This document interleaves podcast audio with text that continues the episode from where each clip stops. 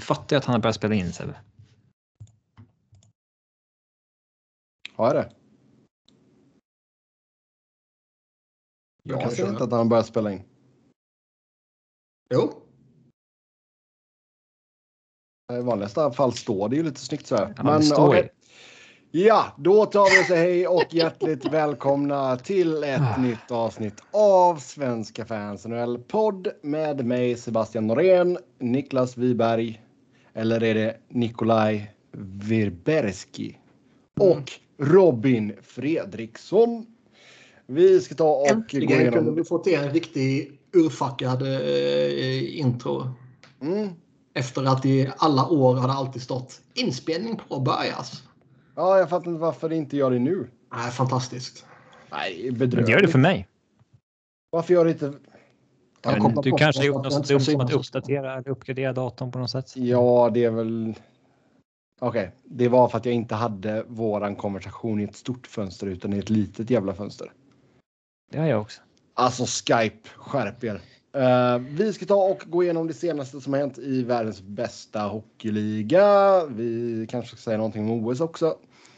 Eh, och sedan ska vi ta upp ett gäng av era lyssnarfrågor som var ett stort tack till er som, som har skrivit in. Eh, Varsågod. Niklas, eller Nikolaj. That's my name. Outad Mm. som uh, ryskt trollkonto som... Uh, vad fan skrev stod det? Blev anklagad för. Uh, söndra vårt samhälle med desinformation. Ja, För att jag skulle skita med OS. Ryskt trollkonto. KGB-Niklas, även kallad av eh, Per Bjurman. Så jag tycker det, det är någonting som kan eh, stanna kvar tycker jag. KGB-Niklas. Det är ju... eh, Ja.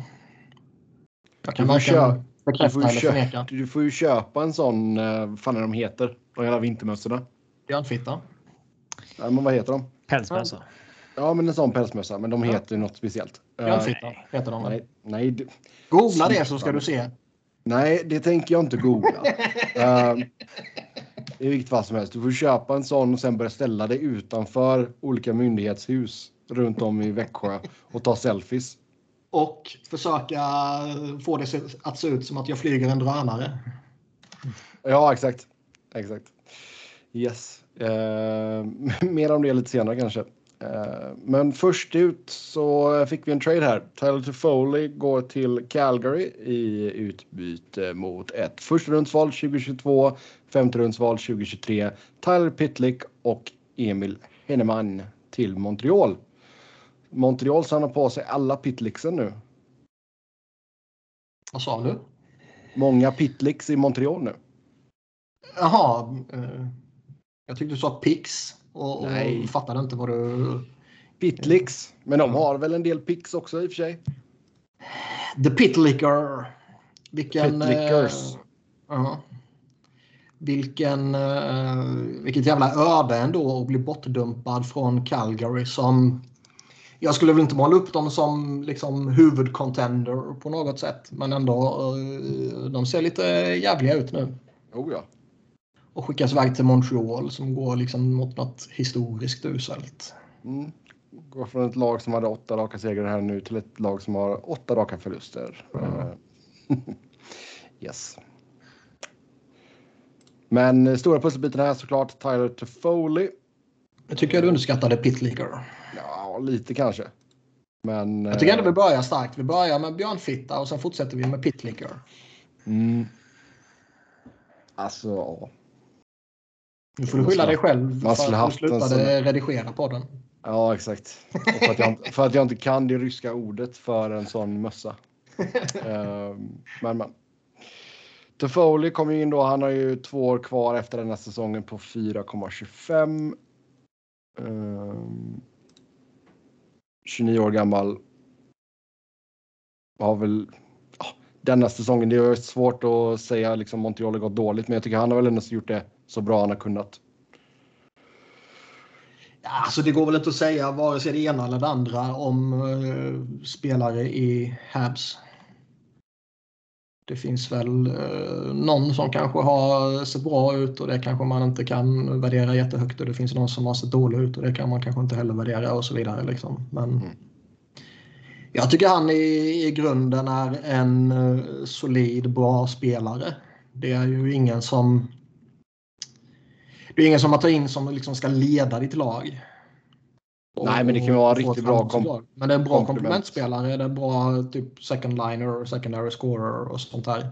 Mm. Ehm, på ett bra kontrakt och eh, beroende på vilket lag man pratar om så är det ju attraktivt eller ett problem att eh, gå efter en spelare med term. Liksom. Mm. Men har man den möjligheten så är det här ett bra kontrakt. Det är ett par säsonger till och det är eh, låg cap. Mm. Ja, alltså min initiala reaktion var att det var ganska dyrt för Toffoli med liksom en first rounder och lite spare parts till. Men eh, alltså. Dessutom blir jag av med ett ganska dyrt kontrakt i Tyler Pitlick på 1,75. Eh, jo, sen handlar det väl lite om hur högt man värderar Emil eh, Heinemann också. Men samtidigt, alltså. Jag tror att det här kontraktet får extra mycket värde för att det är, eller att spelaren får extra mycket värde för att kontraktet är ganska bra. Mm. Signad på 4,25 i två år till efter det här. Det är ganska liksom perfekt för Toffoli säger jag. Oh ja. Ja, alltså jag menar, han vi- visade ju alltså förra säsongen när Montreal inte var helt historiskt usla. Så jag menar, då ju.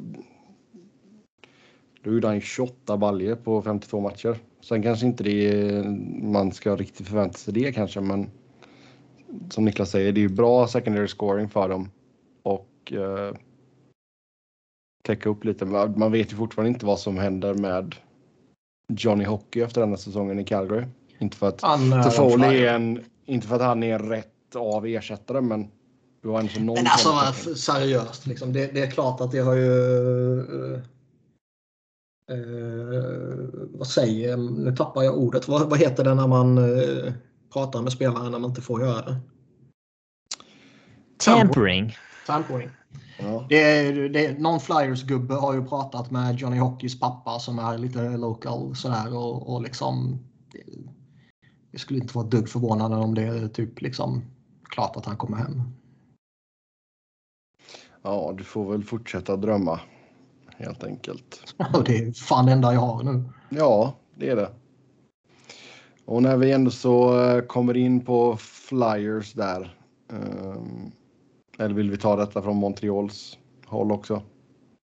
Nej, det finns inget att säga. The Pitlicker är en uh, duglig spelare för att fylla ut eh, i bottom six. Men eh, som Robin sa så är det lite väl i överkant de pengarna för att man ska kunna ha honom i en contender, anser jag.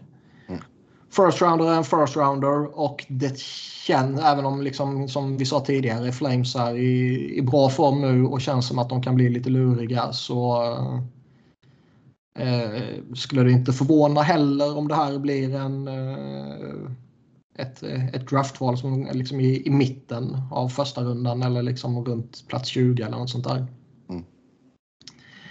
Eh, så det är väl okej. Heinemann är väl en hygglig talang liksom. Mm. Han har gjort lite baljer i SHL men det är ju ingen som det är ingen wow-faktor på honom långt ifrån. Ja, eh, då tar vi det och går vidare då. Claude Men, men eh, ja. s- säga det, alltså, som vi var inne på lite också. Den stora nyckeln är såklart att samla på sig picks och eller prospects. Ja, där har man ju lite att jobba med nu i alla fall. Ja, Eh, Och de har redan man börjat. fick- Valet man fick från Calgary är ju topp 10 protector då såklart. Eh, sen har man ju även Carolinas första val. Denna, man har inte sitt egna. Ehm, sen har man tre val i tredje rundan och två i fjärde och två i sjunde. Ja, och man har väl få ytterligare picks med om det blir en Jeff Petri tra- trade och eh, vad heter han? Eh, Ben Sherrill lär väl kunna ge en first rounder också och sen har man ytterligare någon forward som kan ge någonting. Jag kan mycket väl tänka mig att en sån som Pitlick skulle kunna flippas vidare framåt red deadline. Mm. Ja, det är mycket möjligt. Yes. De har ju ingenting retainat heller. Nej, det är sant. Mm. Jag tror en, en pitlicker som är retainad tror jag många skulle kunna tänka sig en fjärde kedja till, till ett slutspel. Oh, ja. ja. Då går vi till Claude Giroux. Han eh, rapporteras ha meddelat Philadelphia att han vill till Colorado, Florida. Minnesota Förnekas och. St. Louis nämns som alternativ. Förnekas ju också ska sägas. Mm. Ja, ehm, Lite tyngre namn. eh, det är ju Adrian Dader som alltid är svår att förhålla sig till på många sätt. Som säger att eh, Claude har eh, informerat Flyers att eh, han vill till eh, Colorado och det är Minnesota och St. Louis som är alternativen.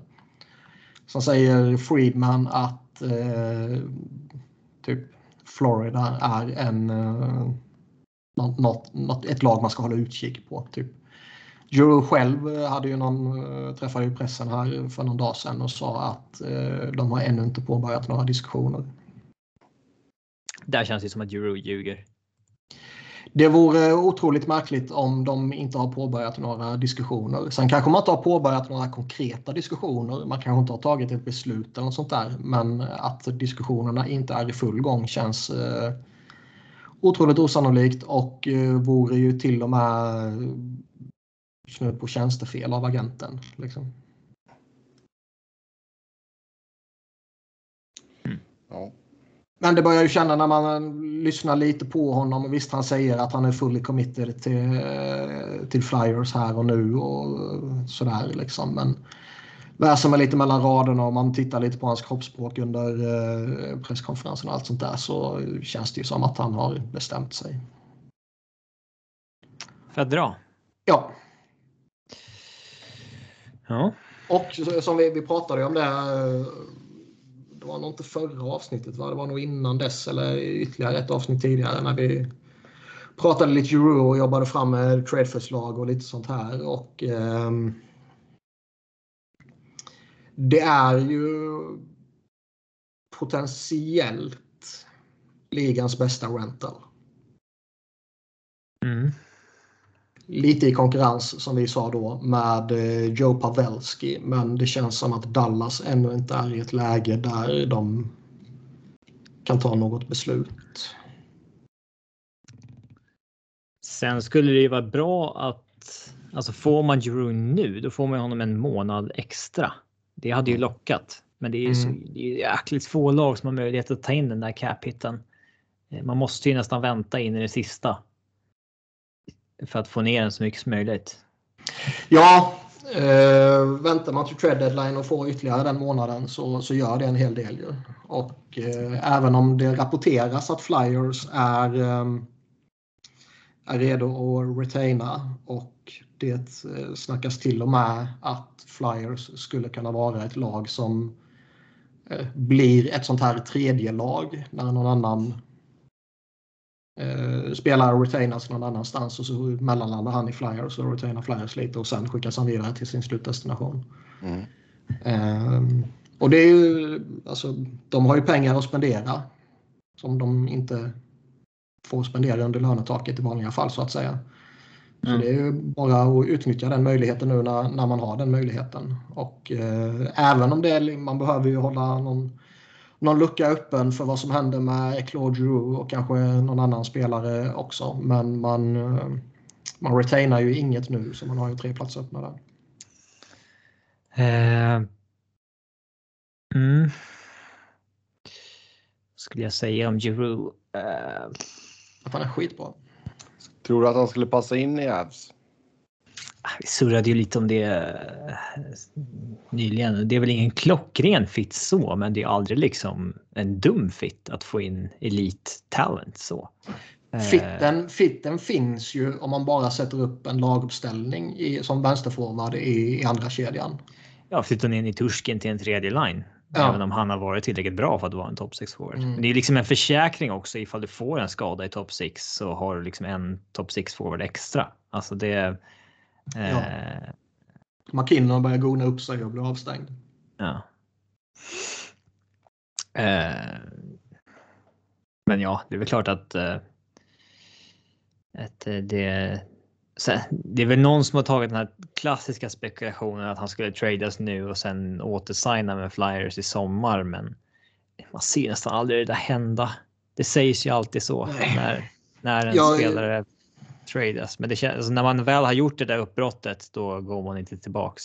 Nej, då är det permanent. Liksom. Jag eh, lämnar han nu, vilket jag tycker att allting tyder på, så eh, då lämnar han ju. Kanske, Forever. kanske, kanske att det finns en liten möjlighet om han går någonstans och vinner kuppen där. Då kanske han glider hem och liksom spelar klart hemma. Ja. Men ehm, säg att han går till Avs och, och Avs inte vinner, men Avs kommer ju fortfarande vara en Då contender. kan man göra en Ray. Bork. Resigna med Avs som Bork gjorde.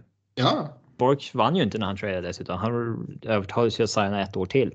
Mm. Ehm, Men sen hur man ska lösa det ekonomiskt, det vet jag fan. Men eh, ja, Alltså man kommer väl tappa Kadri.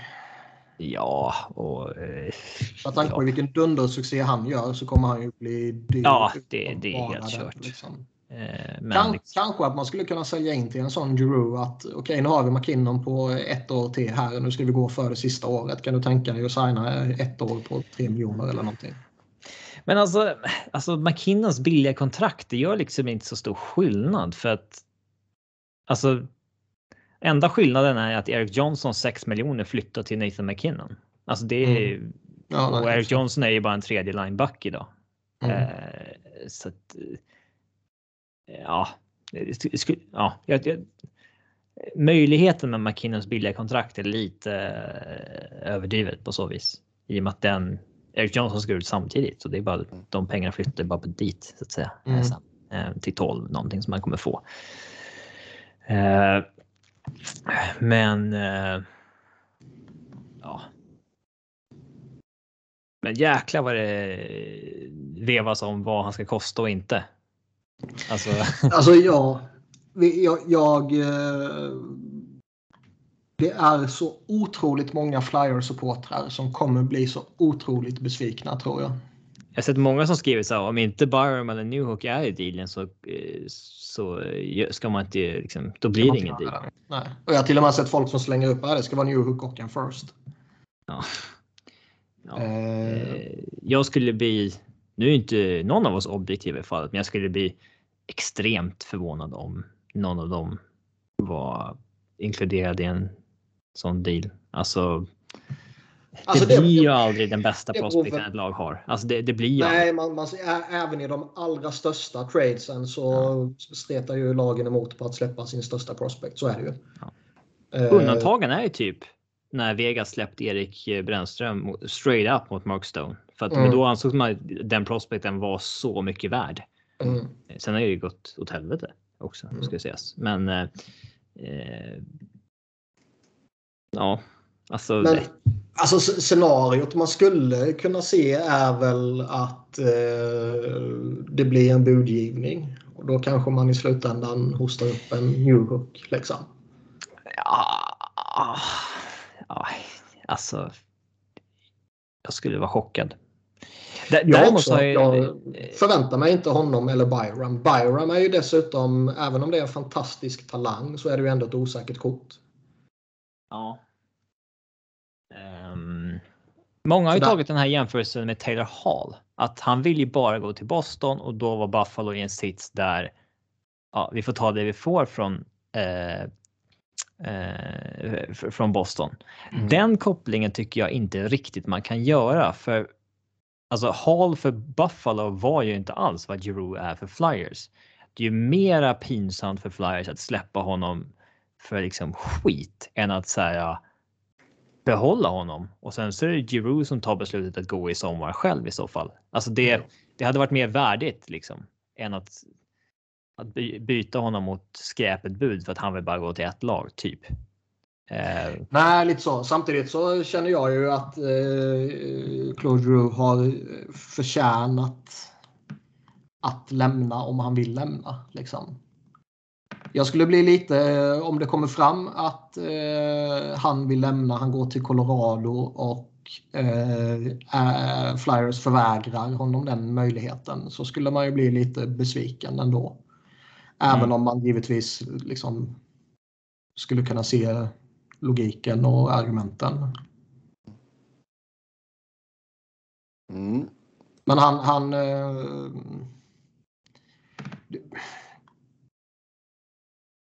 jag, jag, jag, tror det kommer dröja fram till vi närmar oss trade deadline och det är väl av två anledningar. Dels det vi nämnde angående.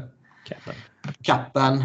Men det är också det att han, han närmar sig ju tusen matcher med Flyers och det eh, allting tyder ju på att det är en viktig grej för honom, verkar det som. Och den är ju... Om han spelar alla matcher så kommer den ju spelas typ fem dagar innan trade deadline eller vad det nu var, har jag för mig. Men vi, alltså vilket av de här lagen som har nämnts här då? Avs, Panthers, Wild och Blues. Vilket, alltså vilket lag tror du, tror du Flyers skulle kunna få ut mest av? Ja, jag skrev ju ett eh, litet... Eh, vad säger mm, det har inte jag läst. Nej, det är ju skamligt.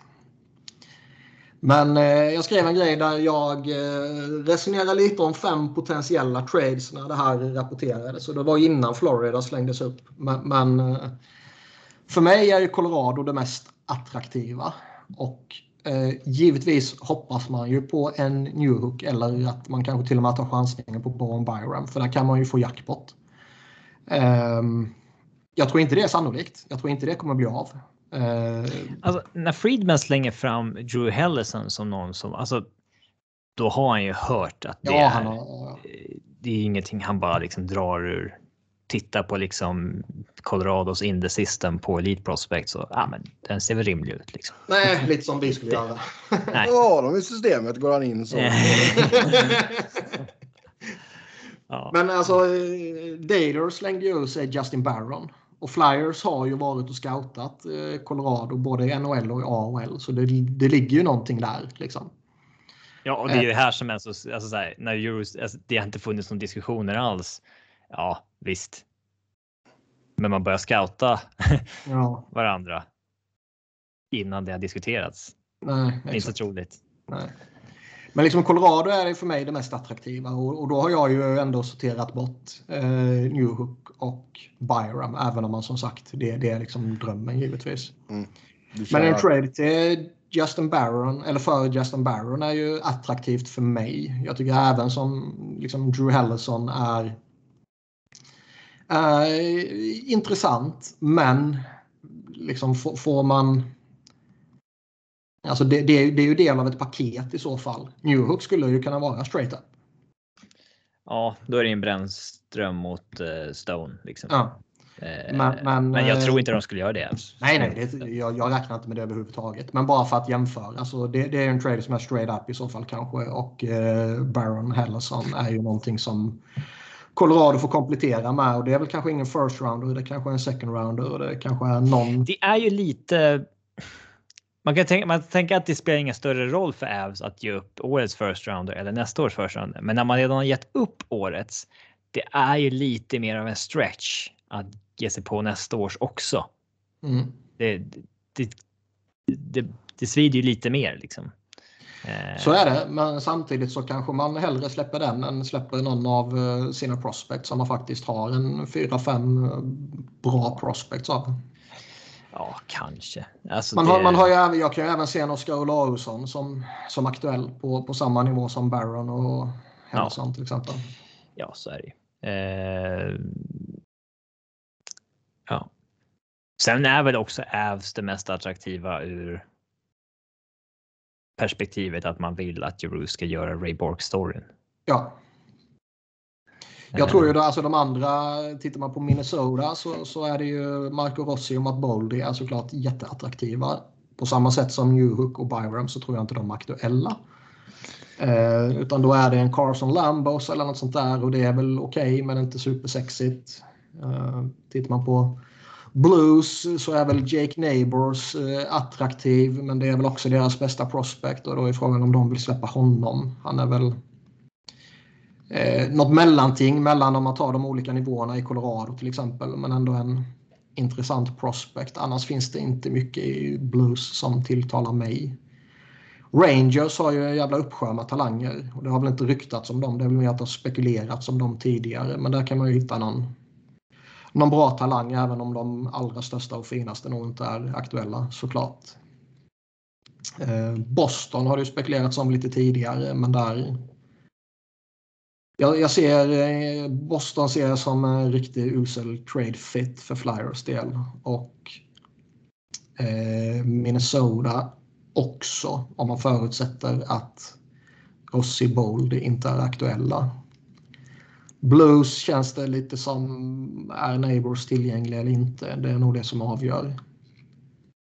Och annars är det Colorado kvar då. I den artikeln som jag skrev. Tittar man mot Florida så finns det ju eh, mycket som tilltalar en. Jag tror ju inte att Lundell är aktuell väl. Jag såg någonting på EP att Owen Tippet kan vara på marknaden.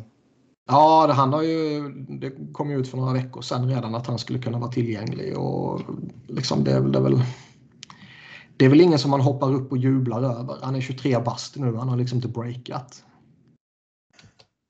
Eh, det är ju svårt också för Flyers-fansen att liksom skala bort det sentimentala värdet i att ge upp en franchise-legend. Ja jävlar i mig. Det är ju det, statistiskt alltså när det gäller är han ju den näst bästa efter Bobby Clark. Ja, men liksom när det gäller att förvänta sig ett utbyte. Mm. Att nej, men man ger inte upp en franchise-legend mot ett skitpaket. Men om, om, jag kan ju förstå det. Eh,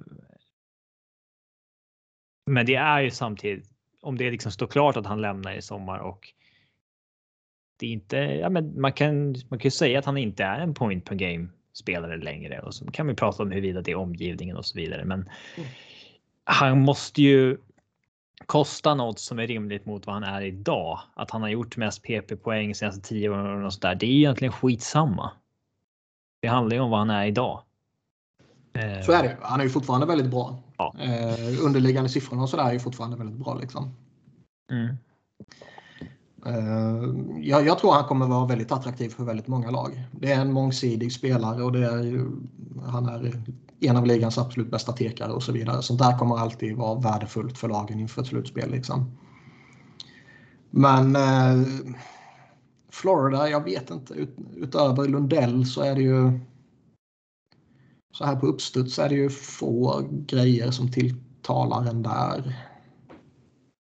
Spencer Knight är ju liksom, vad fan vi har Carter Hart. Vi behöver inte Spencer Knight och jag tror inte han är tillgänglig heller liksom. Så jag vet inte, Florida är svåra också alltså. Mm. Men man kan, verkligen, ja, man kan verkligen se en fit i, Colorado då, om man bara tänker på det finns ett hål till, till vänster. Det är en stark contender och de har de har pusselbitar de kan undvara liksom. Mm. Yep. Men alltså Colorado-fansen är likadana. Det finns ju de som säger This is, nu är det läge att gå för utav helvete. Eh, folk med lite koll säger att man är redo att släppa liksom. Eh, eller att alltså, deras personliga åsikt är att man borde vara redo att släppa liksom, både Justin Barron och en first rounder. Eh, där känner jag att det är lite steep liksom. Sen så ser du andra personer som är så här de kan tänka sig släppa typ Sampo Ranta, Martin Kaut och ett eh, andra rundsval. Men där tycker de att det behöver bli dyrt typ. Alltså det är en sån jäkla divide av vad människor tycker är ett rimligt pris och inte. Um, så att det. Man hoppas ju att traden blir av för att man blir nyfiken på vad priset kommer bli för att det har spekulerats så jäkla mycket om det. Mm. Mm. Jag har ju som, som sagt, jag har ju lagt mina förväntningar tämligen rimligt. Misstänker jag. Men som sagt, jag tror det kommer, eh, om det blir en trade, om man inte får Newhook eller Byram så är det många som kommer rasa. Alltså. Ja, det är ju skrika åt clouds så att säga. Men eh, enda traden, det enda, enda traden senaste åren där liksom Joe Sakic har blivit verkligen tvingas slanta upp mer än vad general consensus säger att man borde ha gjort är ju Darcy Kimper-traden. Mm. Och där där var man ju i princip inmålad i ett liksom- hörn. ju. ja, i princip tvungna att göra det. Man är ju inte tvingade att gå efter Claude Giroux, utan det är ju att addera lyx i så fall. Så gillar man inte vad man ser så kommer man ju inte dega upp. Helt enkelt. Nej, så är det ju. Men ja, Mm. Däremot så är det ju, det, det är ju även om jag som sagt tycker att liksom Giroud har förtjänat och, och liksom få göra vad han vill så att säga så är det ju det är otroligt viktigt på ett sätt för Flyers att trada iväg honom som man inte vill gå in i en i en rebuild nu utan man har ju uttalat att vi ska fortsätta försöka vara competitive nästa år. Och om inte Drew vill förlänga, det bästa om man bara tänker att man ska vara competitive kommande säsong är att Drew förlänger såklart. Men eh, om man inte vill vara kvar så måste man ju trada honom nu. Man kan ju inte låta han lämna gratis.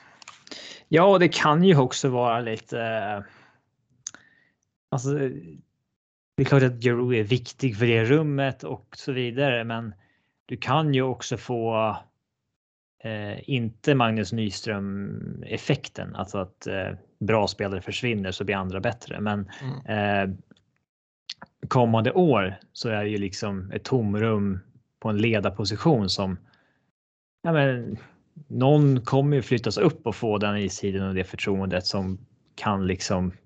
Alltså det kan ju- ju verkligen lyfta Travis Connectney till nästa steg eller Joel Farby till nästa steg. Om, Nej, men det, var ju, det var ju lite så som Flyers resonerade när man skickade iväg Richard för Carter. Att Ja, eh, okej, att nu behöver vi ge det det. här. Ja.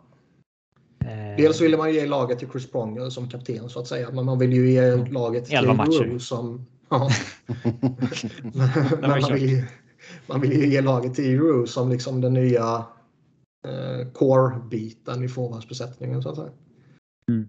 Och eh, det föll ju jätteväl ut. Ja, Giroud-delen i alla fall. Ja, jo, givetvis. Men, Ja. men eh, det är ju många som drar paralleller till 2007 också när Flyers satt på Foppa i ett liknande läge. Han var på, på utgående och det var eh, stort intresse kring honom och man skickade iväg honom till Nashville och sen så i förlängningen så innebar det att ja, man fick en first round och sen så tradade man tillbaka den till Nashville och då fick man rättigheterna till Kimmo Timonen och Scott Hartnell och det gjorde ju att Flyers fick en eh, en toppback och man fick en eh, väldigt bra winger som gjorde eh, bra med mål under rätt lång tid och som gjorde att eh, man gick till konferensfinal direkt. Mm. Efter det där historiskt usla 07, 06-07 år säsongen. Mm. Och något liknande behöver man ju göra med Drew här. Jag är ju egentligen inte intresserad av draftval. För de draftval man kommer få, i synnerhet när vi pratar Colorado, kommer med all sannolikhet vara ett väldigt sent. Ja, och sen Flyers vill ju vara bra om 1, 2, 3 år, inte om 4, 5, 6 år. Ja, vilket innebär att jag är mer intresserad av, säg Barron som exempel. Som, eh, Han kan ju spela NHL nästa år. Liksom. ja, han kanske inte är redo för det fullt ut nu, men kommande säsong tycker man att det, det borde han vara. Liksom. Ja, han hade kanske till och med spelat i NHL nu om han inte var liksom bakom Ja, en backbesättning som var. Ja, han kanske går in i, i Flyers. Eh, ja. Nej, men lite så var det ju med eh, när Colorado fick San Gerard en gång i tiden som var liksom bakom deras topp fyra eh, i, som de hade då i Nashville. Eh, och sen så fick jag Ävs honom och eh, det kunde vara en toppback liksom. Så, så, så kan det ju utveckla sig. Helt rätt. Ja, vi tar och går vidare där. Fan vad du har Eh, försökt göra det länge nu. Ja, det har jag. Men men. Eh, som sagt, jag skulle haft den här soundboarden där. Så boo. Eh, Du får väl börja bua själv. Hur svårt är ja, exakt. ska jag börja göra snart. Ja. Vegas sägs undersöka Mark Arnold Fleury igen och eh, där har även Colorado nämnts. Eh, Ja, det finns inte en chans att Ävs går efter en till målvakt när man har. Alltså. Helt osannolikt. Om inte någon blir skadad såklart. Ja, det är väl alltid antingen att någon blir skadad eller att du kan få det andra laget att ta Pavel. Ja, fast det finns ingen. Alltså båda har varit bra nu också. Så det är och de har båda ganska billigt. Så det är ju. Eh, visst, Darcy Kymper inledde säsongen ganska skakigt, men de är skickade first rounder och en Connor Timmons. För, alltså, de kommer inte. Nej, det är ju en solid målvakt i grunden. Ja, de kommer inte ge upp på honom liksom för att halvvägs in i säsongen. Det, man har ju satsat på det man har gjort liksom. Mm. Eh. Mm. Och Fleury är ju brutalt överskattad ska också sägas. Mm. Vegas har ju fått... Eh, det var något skadeproblem med Lener va? Ja, han undersöks för någon överkroppsskada här. Mm. Um, ja, eh, han reserven stod igår mot Colorado. Mm. Vad heter han? Eh, Laurent Brossois. Brossois säger man. Mm. Rolig match för övrigt. Jag tittade på den med ett halvt öga eh, i efterhand. Det är alltid, alltså man märker lite när det är två heavyweights liksom som går mm. mot varandra. Det, det nu, liksom... nu tittade jag ju mest för att det var Jack Eichel. Ja. Men eh. Eh, det, det, är ju en... Eh, nu kommer det inte bli så av uppenbara anledningar, men det är ju en... Skulle ju kunna vara en potential final så att säga. Moralisk final. Ja. Mm. Moralfinal. Ja. ja, visst. Uh, nej, men alltså det, de får väl bara vänta med vad beskedet är för Lena. Liksom. Är det en läng, uh, någonting som gör att han blir borta en längre tid så kan jag väl förstå ifall man vill undersöka och få in en till målvakt. Det är ju uh, intressant med Florida för han, liksom, han, han var the face of the franchise och sen så har han, det, har varit en jävla berg och för honom där. Det har varit total kaos ju, och sen blir han undanskuffad nu lite, lite, lite halvdant sådär. Är man är man redo att gå tillbaka då? Är det liksom, vill man vinna så mycket? Trivdes man så mycket där att man begraver den där yxan? Inte, alltså, jag har svårt att se att man är villig att göra det. Alltså. Ja. Mest agenten som inte vill. Alan Walsh har bränt bron. Svärd och grejer. Ja, vilken... Alltså den bilden är fortfarande jäkligt. Ja, den är ja. legendarisk. Fantastisk ja. på alla sätt och vis. Han är... Eh... Man undrar hur han kom, alltså. Vad anställde han någon för att göra den liksom? Ja, han har ju knappast var... gjort den själv. Nej, han kan inte göra den själv. Han måste ju ha liksom. Antingen har han ju någon inom företaget eller så. Ja, eller så är det son. Han det. Det är en son eller dotter den, som är, pluggar grafisk design. Ja, ja. Alltså där. Photoshoppa det här nu. Jag vill ha ett svärd i ryggen på min klient. ett svärd genom min klient. Det ska gärna droppa lite blod också. Ja. eh, ta någon bild när han liksom ser nedtryckt ut. Mm. Eh, så, så slänger jag ut den på Twitter. ja. Ja. han är väl ute och svingar ganska vilt på Twitter. Undrar om hur, förankrades med Fleury också. Om det var skickad den bilden till honom först och så här. Är den här bra? Ja, jag ser riktigt död ut. ja, det känns nog som att han drog, drog ut den utan att kolla först faktiskt. Han raderade den ju sen vill jag minnas. Gjorde han verkligen det? För mig det. Gå in och kolla vad Twitter, bara den är pinnad. Bara. uh, ja, herregud. Men han är... Uh han är underhållande. Han driver ju en jävla vendetta mot Gary Bettman också. Mm. Ja, men alltså att Fl alltså Fleury är fortfarande så, så pass högt aktat namn så jag kan väl förstå att hans namn finns där ute i, i tradesfären. Ja, han verkar liksom. en skön dude och han har eh, en bra karriär och det räcker väl för att eh, vara relevant. ja, men alltså om, om vi tittar på de lagen som liksom som vi mer eller mindre tror kommer att ta sig till slutspel. Liksom, vilka ser ni har ett uppenbart behov av att stärka upp på målvaktssidan?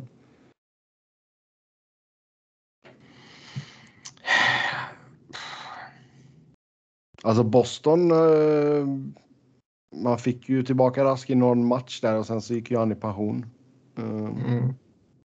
Samtidigt så signade du ut ganska man tycker ändå att Ullmark och, och Swayman borde vara... Vad sa du? Nej, man signar ju ganska långt och dit med Ullmark. Uh, så jag vet inte om riktigt Men man tycker ju Ullmark och Swayman tycker man ju ändå borde vara tillräckligt okej. För att man inte ska behöva gå ut och handla liksom. Det var ju en sak, eh, Rask säger att han vill göra comeback. Det är klart man låter honom göra det. Ehm. Men annars vet jag inte vad... Ja, Edmonton, givetvis. Om man ser dem som kategorin att de givetvis kommer gå till slutspel, vilket känns...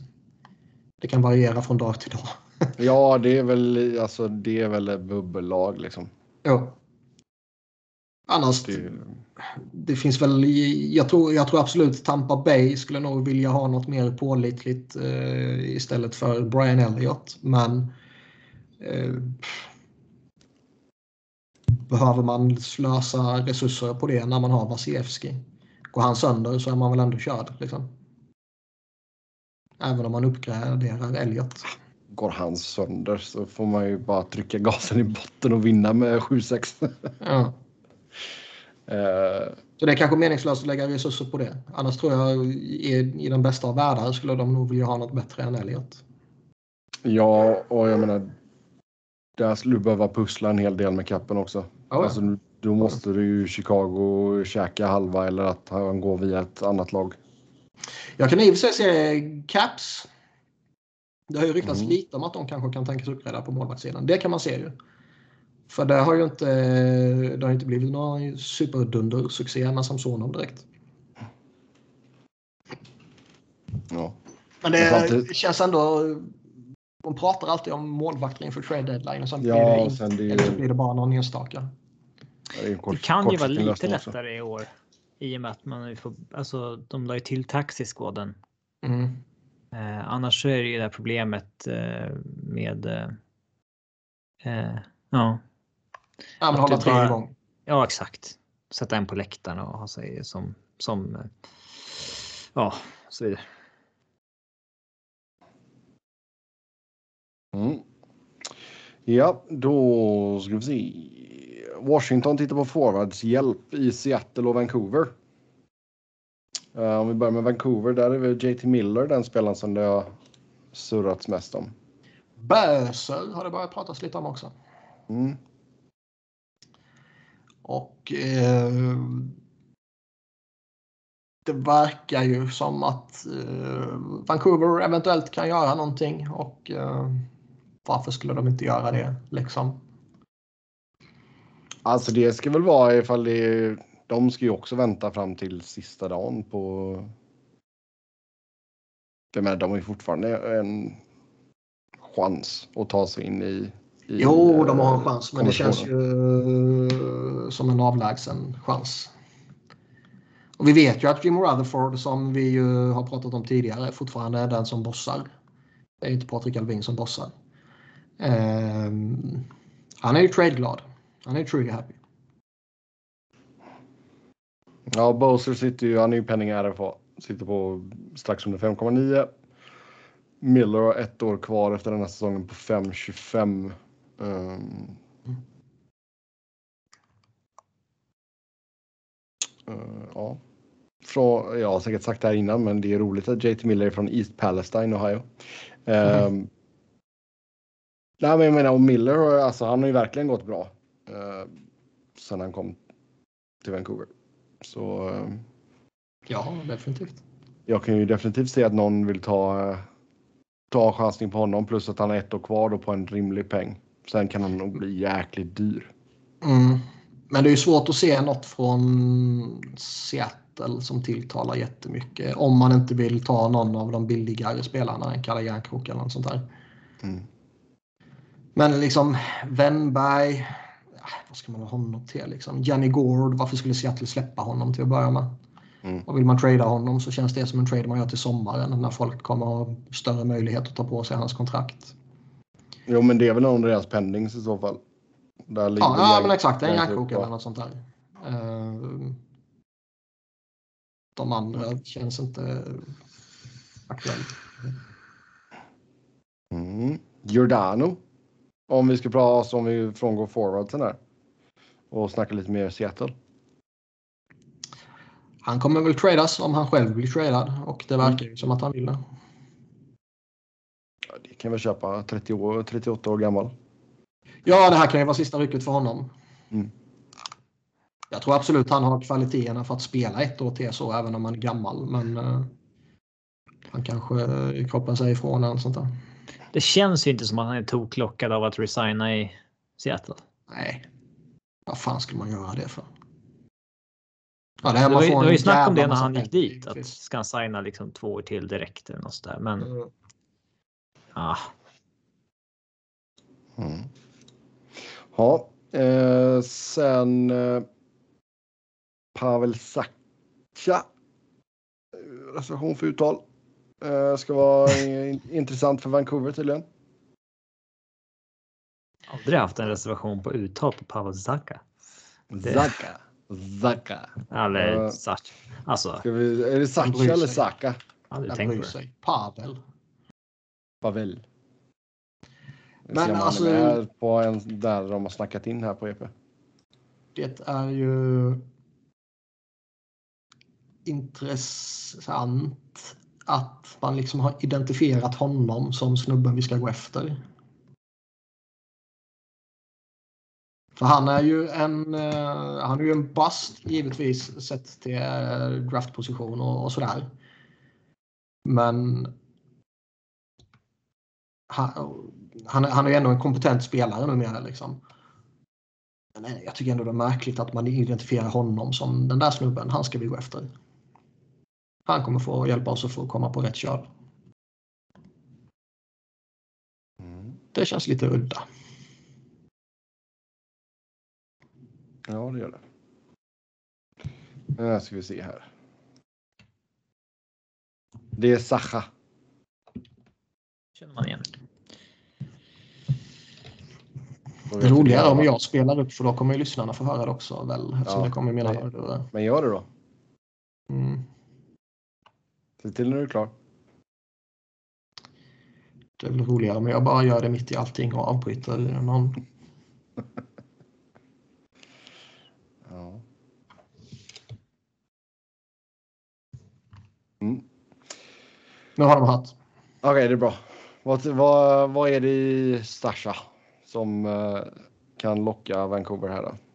Ja, jag sa precis att jag inte vet.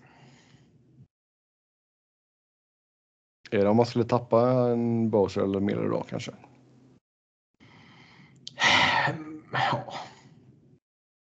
Men det är det, ja, nej, alltså man är, vill man vara relevanta så ersätter man inte sådana spelare med en sån här spelare. Sen är det klart här, alltså, han är ju användbar givetvis, men ja, jag tycker bara det är så konstigt att det, det är han av alla jävlar man identifierar. Ja.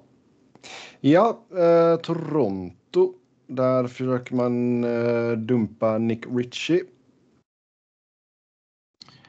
Och det blir nog svårt eftersom han har ett år kvar. Ja. Märkligt ändå att signa upp han på term. Det känns... Det känns ju inte Kyle Dubas. Det blev väl inte bra, men det var väl inte så jävla konstigt. Precis som att Perry och Belmar fick Törm och menar att de Ja, men De får ändå billiga kontrakt. Alltså visst 2,5 är, ju, är ju billigt liksom. Men det är ändå tillräckligt stort för att man inte bara ska kunna göra sig av med det.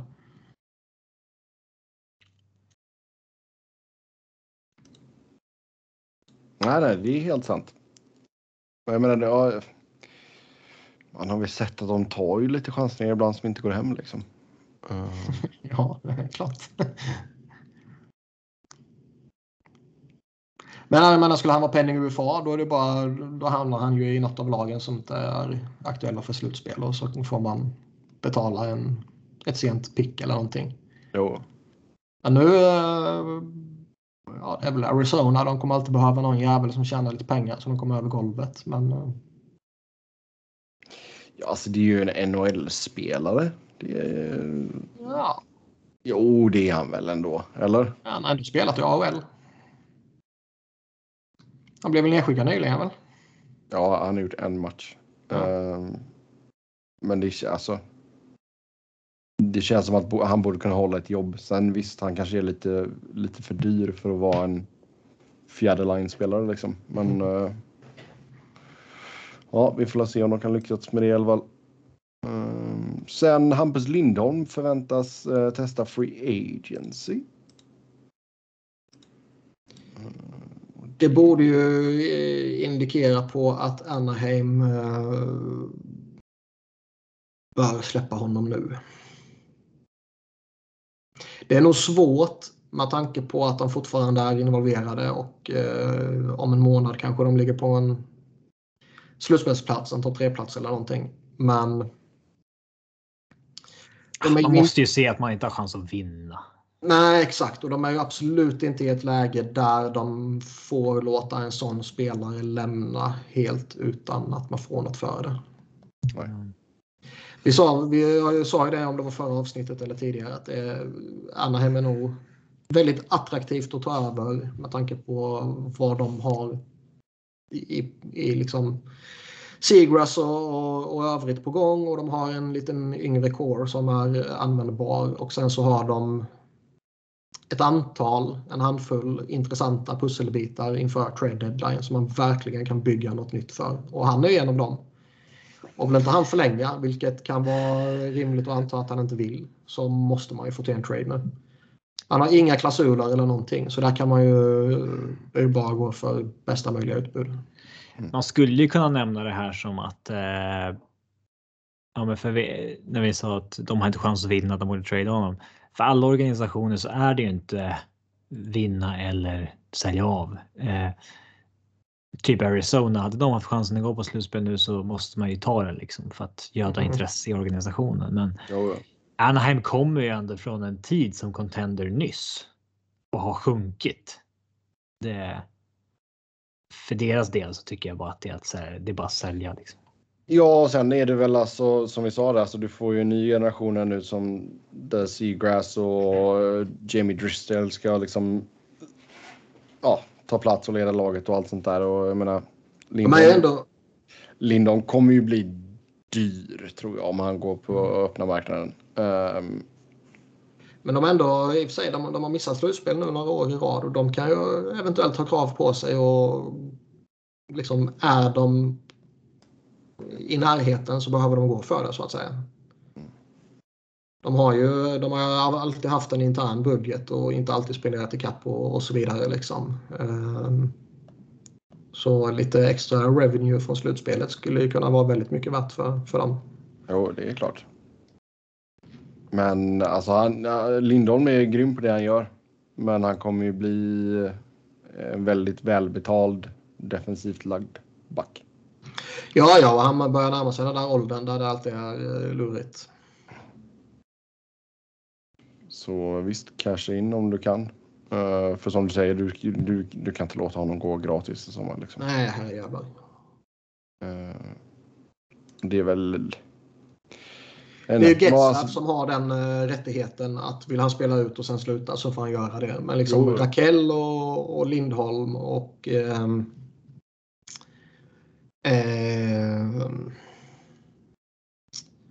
um, Josh Manson är ju alla pending UFAs och ja. uh, vill inte de förlänga så ska de ju bort nu och alla de tre borde man kunna få uh, bra pröjs för. Oh. I synnerhet Lindholm och Manson. Ja, Raquel har väl dippat lite i produktionen. Mm. mm. Så visst. Ja, sen då eh, Niklas, du hintade lite om det förut, men Jack Eichel har gjort debut då för Vegas mot Colorado igår natt. Jag tyckte han såg hygglig ut ändå. Ja, för att inte ha spelats på så länge, absolut. Ja, ett år eller vad det är. Sen så är det väl lite som de sa ju i sändningen också, eh, att det är inte första matchen som är problemet. Utan då går man ju bara på uh, eufori och, sådär typ. Mm. Utan det är ju de kommande matcherna som man uh, kan hitta lite uppförsbacke eftersom man behöver hitta conditioning och komma upp i ja, tempo. Ja, bla bla bla. Men jag tyckte han såg okej okay ut. Nu såg jag inte matchen. Uh, som sagt, jag såg den med ett öga samtidigt som jag jobbade. Så... Du hade ingen Eichel cam? Nej. Um, men jag tyckte han var solid med tanke på förutsättningarna. Mm. Sen det, alltså, det är ett bra test också att gå upp mot ett sånt bra lag som Colorado i första matchen också. Det är ju lite, li, på ett sätt Det är lite press på honom att leverera alltså. Ändå. Ja, men det blir lite Det- förvånande att det är Colorado man börjar mot. Liksom tuffast möjliga testet. Man, Kör. tar, man slänger väl in honom när han är redo. Ja, kasta, det? kasta ut han på the deep end. Tjoff. Mm. Men jag menar nu, det är som Robin sa, nu är det mycket press på honom. Dels för att eh, ja, han är den han är och dels för allt snack kring tra- traden och eh, liksom, han är dyr. och ehm, Ja. Med Stone borta så är det ju någon jävel som måste leda skeppet. Jo, alltså. fejkar visst, men- Stone skada för att Aika ska få spela också. Liksom. Ja, ja, Så, exakt. kul. Då eh, måste han Men han- han-. Han kommer ju vara borta till slutspelet nu, Stone. Ja, klart han kommer. Och det, det är ju Stone som är den ledare, ledaren. Liksom. Och han är ju fantastisk på, på alla sätt och vis och sådär. Men ehm, det, det kommer ändå komma lite press på, på Eichel nu. Och, eh, Ja, det är klart det blir de lite- flesta begriper sig på att har man, om man varit borta ett år och man har eh, opererat nacken så behöver man ju en startsträcka givetvis. Mm. Där tror jag det, jag, jag tror det är otroligt viktigt för Jack Eichel ändå att komma in under säsongen. Så att det inte var han man satte på eh, long term injured reserve i väntan på slutspelet. Ja. Det skulle ju kunna vara jobbigt.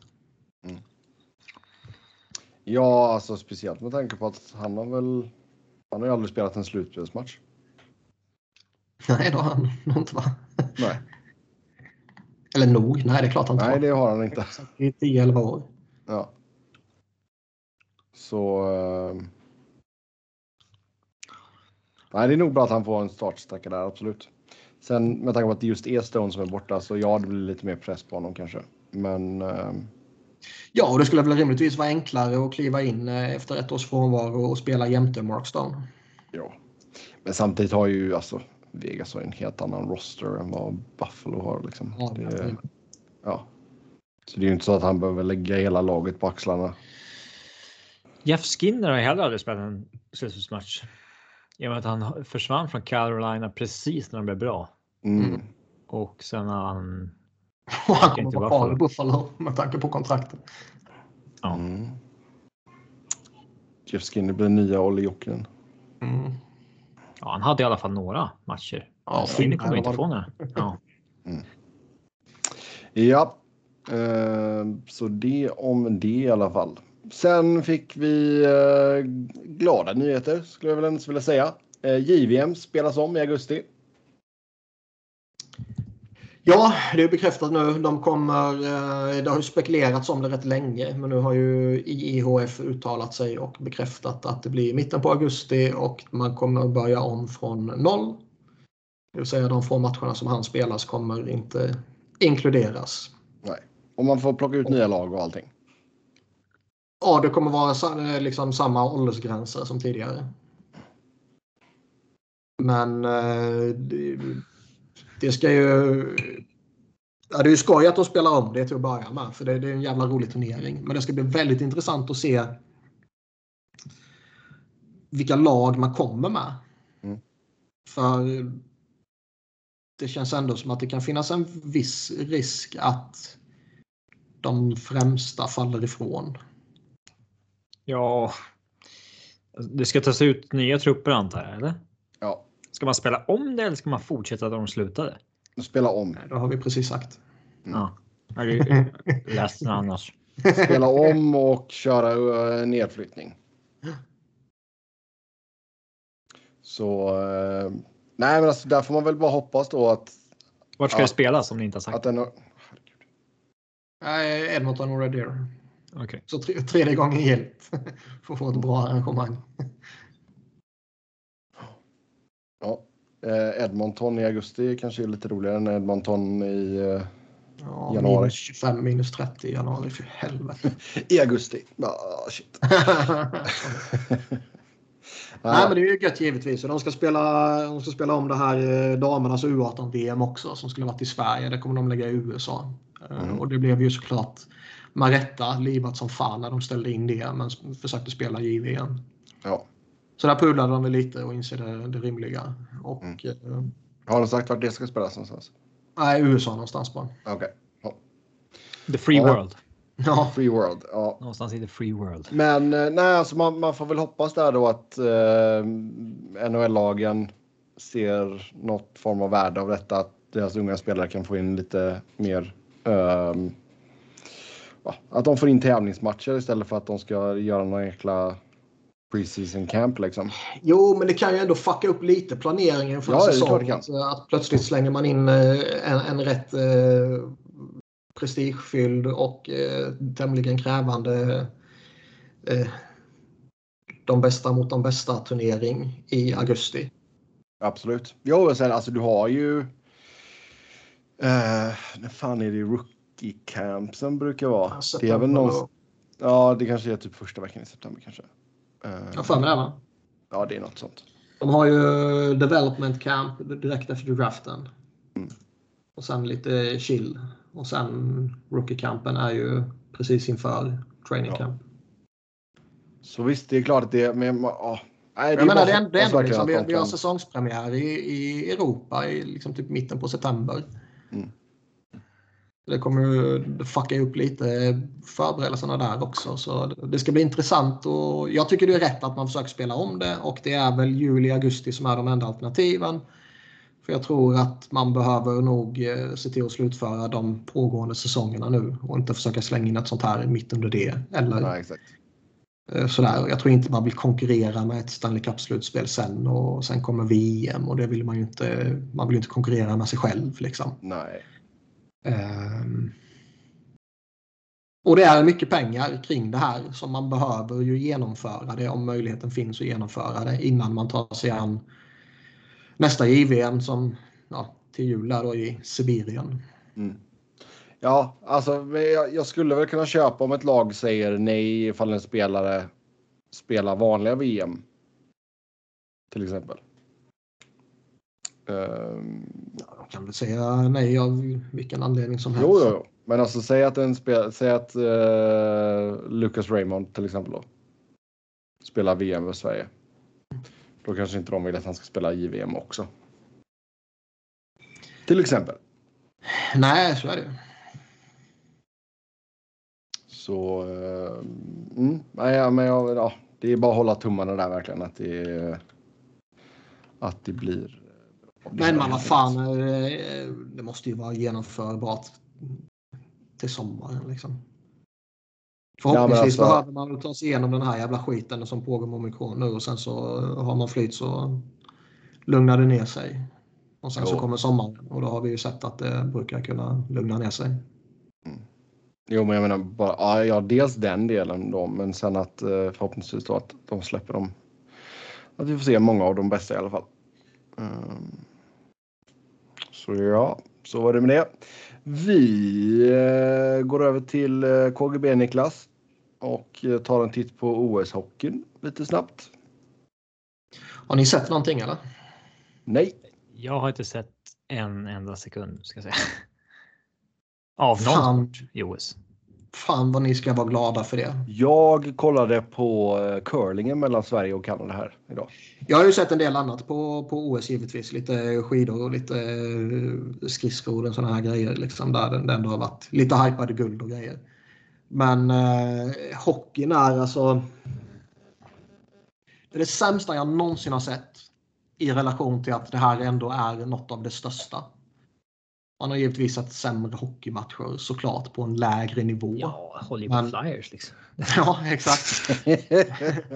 Zing! Men det är ändå OS och det är så otroligt ovärdigt. Och jag har ju förlöjligat skiten så det bara sjunger om det i eh, bevakningen. Liksom. Och det är Du, har- alltid... du har ju underminerat det svenska samhället med desinformation. Oh ja, och det gör jag med stolthet. Men det är... Tar vi din IP-adress nu så kommer det ju pinga Moskva liksom. Ja, det här jävla Växjö, det är bara en jävla täckmantel. Exakt. Men, men ehm, vad var det jag skulle säga? Nej, men alltså det, det är. eh, Det har varit tråkigt, det har varit avslaget, det har varit dåliga spelare, det har varit dåliga prestationer. Och det har varit. Eh, alltså det, det är ju sämre än hockey-VM och hockey-VM brukar ju vara tämligen tråkigt. Men där kommer i alla fall några NHL-profiler. Ah, alltså, jag, är lite kluven. Alltså, ibland, vissa år tycker jag hockey-VM är, är jätteroligt. Jag tycker det är lite sådär att det spelas varenda år. Det är väl lite sådär. Ja, men fair, men, fair enough. Liksom. Men det, är ändå, det är ändå liksom varenda år med det senaste året som ett liksom, absurt undantag på grund av uppenbarelser så kommer det ju alltid stora profiler till VM. Mm. Här är det ju lite, ja du vet det finns lite, lite sådana där ryssar som givetvis är, är eh, namnstarka i ett internationellt sammanhang. Chipachov och Gusev och säga vad man vill om Vojnov men det är ett stort namn. Eh, men, mm. Eric Stahl, ja det är ett stort namn liksom. Men det är ju ingen stor spelare längre. Nej. Så det blir ju ett löjets skimmer över hela turneringen och sen folk försöker hypa upp den. Och, men du vet, det är ju det är en glorifierad jävla Karjala Cup. Det går ju inte att titta på den, det går inte att ta den på allvar. Det blir liksom... Nej, alltså, det går inte att säga, och det är ändå OS. Alltså, vad drar man gränsen då? Säg att inga Alltså, säg att SHL och KHL och de ligorna sa nej. Mm. Så att det var hockeyallsvenska spelare som är där. Mm. Alltså. Hade folk fortfarande tyckt att det här är det största som vi kan spela. Det är ju bara att folk låtsas det. För att ja. det ska vara så. Ja. Det blev det ju inte så den här gången.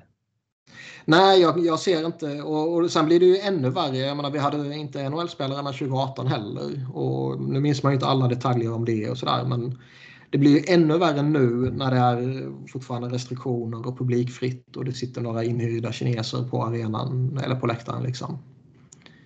Så det, det, det blir ingen inramning som är värd något heller. Och sen tycker jag ju rent allmänt har ju Discovery sändningar varit svaga. Inte bara kring hockeyn mm. utan generellt liksom. Mm. Så OS-hypen generellt är ju inte jättehög. Sen har den blivit lite högre inom vissa andra sporter där man där det ändå i alla fall är de bästa som är med. Jo, men, jo, men alltså det var, det var väl ändå så till fördel för damhockeyn. Kanada vann över USA i finalen där. Um, så jag menar, där kan jag också förstå att folk fortfarande var hypade liksom. Uh, men jag menar, nu har vi Finland mot Slovakien i ena semifinalen och sen Sverige mot uh, atleterna från uh, olympiska atleterna från Ryssland. Nej, men alltså det. Om det inte vore för att man behöver typ bevaka matcherna lite pliktskyldigt på, på sajten så skulle jag ju inte titta en sekund på det här. Den här turneringen. Ja, men alltså fatta hur långt Fattar hur många lag till exempel Kanada skulle ta ut före de här spelarna skulle vara aktuella? ja, det är typ 27 eller någonting. Ja, något sånt. Alltså det är ju. Det finns ju 32 lag i NHL. Alla har inte 20 kanadensare, men. Säg att det skulle vara. Säg 20. Ja, men sen så är det ju vissa AHL-spelare som skulle varit med för. Mm. Eh, kan man ju lugnt säga. Så att nej, 30 lag då kanske. Mm. Ja, det är helt fruktansvärt. Inte, inte ens Kanada. Alltså det, det, det enda... Det enda man. Det, det liksom ringer in halvpensionerade spelare som Demers och Stahl. Och, alltså det, liksom det enda man kan förvänta sig av Kanada när det kommer till hockey det är ju att har de ett underläge så kommer de blåsa på utav helvete de sista fem minuterna och liksom plöja sönder ett motstånd som bara Kanada kan. Och det kan de ju oavsett om det är liksom Crosby och McDavid i OS eller om det är JVM eller om det är någon, någon, något hopsläng i hockey-VM. Liksom. Den, den mentaliteten har de i sig. Inte ens det klarar de av. Jag har aldrig sett ett så lamt Kanada som när de försökte hämta upp ett målsunderläge mot Tre Kronor i kvarten sista 5-10 eller vad det var liksom. Hur var Owen Power då? Han är ju sevärd tycker jag. Man, man märker att... Eh, under förväntan. Du? En poäng på fem matcher är under förväntan ändå. Ja, jag har ju inte sett honom utöver mot Tre Kronor. Men vad man har läst lite så hade man väl förväntat sig lite mer av honom. Sen samtidigt måste man ju titta på vilken jävla skitomgivning han är i också. Och eh, jag tycker ändå att tittar man på honom och jag menar, tittar man på den här kvartsfinalen som var ett sånt otroligt avslaget sömnpiller så det finns inte. Så eh, det var ju Owen Power och sen var det Kent Johnson och sen var det Mason McTavish som var de man kunde spana in för då var det lite relevans. Liksom. Och eh, jag tycker väl inte att Johnson eller McTavish utmärkte sig på något sätt. Men man ser ju ändå att Owen Power, han har ju ett lugn och en, en spelskicklighet som är... Eh, alltså han skulle ju kunna spela i NHL nu. Han kommer definitivt göra det nästa år. Allt annat är ju jätteförvånande. Och eh, nog för att Buffalo skulle kunna förstöra honom. Men eh, han kommer bli väldigt spännande att följa i NHL. Mm. Han har ju en ja. väldigt, väldigt offensiv frihet. Det har jag haft i JVM och det har jag haft när han varit med i, i VM tidigare också. Liksom. Han får ju verkligen kliva fram. Han är, han, är, han är rolig att titta på. Vi fick in en lyssnarfråga här som är relaterad till detta. Hade ni hellre sett ett JVM-OS än detta senior-OS? Vi pratade ju om det. Ett men JVM kom... alltså? Eller vadå? Alltså vi, vi pratade... Mm vi pratade ju när de ställde in OS där, det var snack om det och, och, och, allt var fram och tillbaka där. Så var det ju någon som jag inte kommer ihåg som slängde ut sig idén. JVM menar du? Ja, vad sa jag? Du sa OS. Ja, nej, JVM där i vintras. Mm. Så var det ju någon som jag inte kommer ihåg vem det var som slängde ut sig en idé att när, under OS-åren så borde hockeyturneringen vara JVM istället för att man lägger JVM över jul där då liksom. Så man senare lägger den i en och en halv månad eller vad det blir. Um, om det nu inte blir NHL-spelare och allt sånt där. Men det är ju svårt och NHL vill ju hellre arrangera World Cup och så vidare. Och det, jag menar, alla dagar i veckan.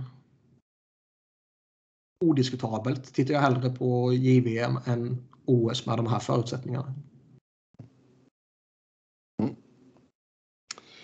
Fullkomligt yes. ovärdigt. Vi uh, får se hur det går här då. I semifinalerna. Uh, spelas imorgon va? Mm. Japp. Då tar vi lite fler lyssnarfrågor. Som vanligt stort tack till er som har skrivit in. Uh, först ut, legendaren Jaromir Jagr fyller 50. Vilket är ert bästa minne av 68? Kan vara såväl på som utanför rinken. Eh, ja, alltså hans hockeyfrilla växer man ju upp med när man samlade på hockeykort. Så det är ju det som liksom dyker upp i huvudet först för mig. Jag är så besviken på mig själv och på uh, släkten att man inte har bra hockeyfrilla-gener. Jag tänkte säga mer att man är besviken på släkten att man inte har kvar sina gamla hockeykort. Uh, Det Vart är de egentligen? Ja, ja du, vad, vad tog de vägen? Det är en väldigt bra fråga. Jag har ingen aning. Det är säkert någonting som ens farsa gav bort till någon annan unge. Eller någonting. Alltså jag hade, jag hade asfina röda Super Mario-pärmar för mina också. Jag var aldrig mycket för sånt. Eh, jag har Super Mario-pärmar? Vad sa du? Super Mario-pärmar eller hockeykort? ja, både och.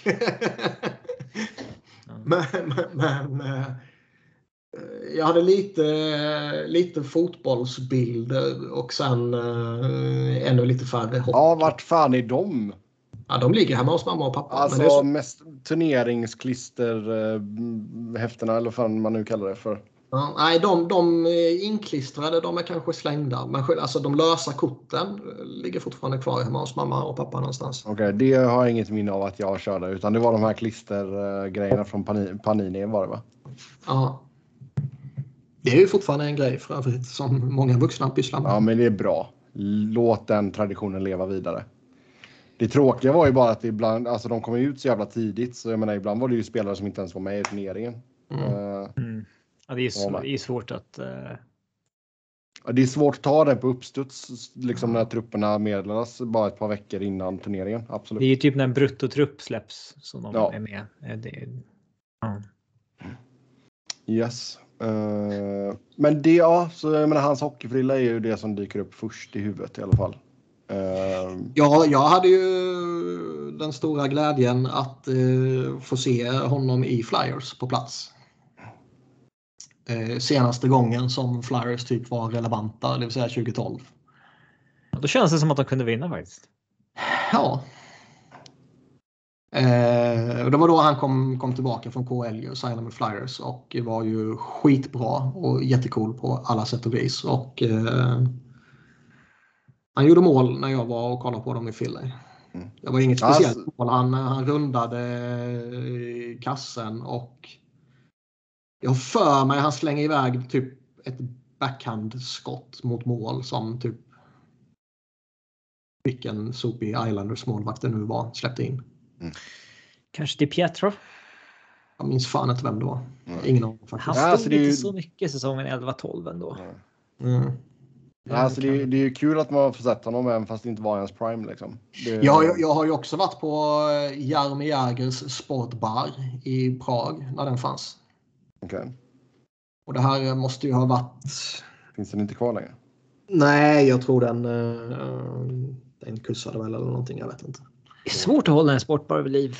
Ja, och den, den här var gigantisk också. Liksom. Sen låg den ju på, på vad heter det, på... Um, mitt på ja, Storgatan, vad fan det heter i Prag liksom. Typ. Deras Avenyn. Den heter det. Den heter Storgatan. Ja. Om jag minns eh, om jag minns rätt, om man inte har eh, liksom, vet, hittat på saker i efterhand, så var den ju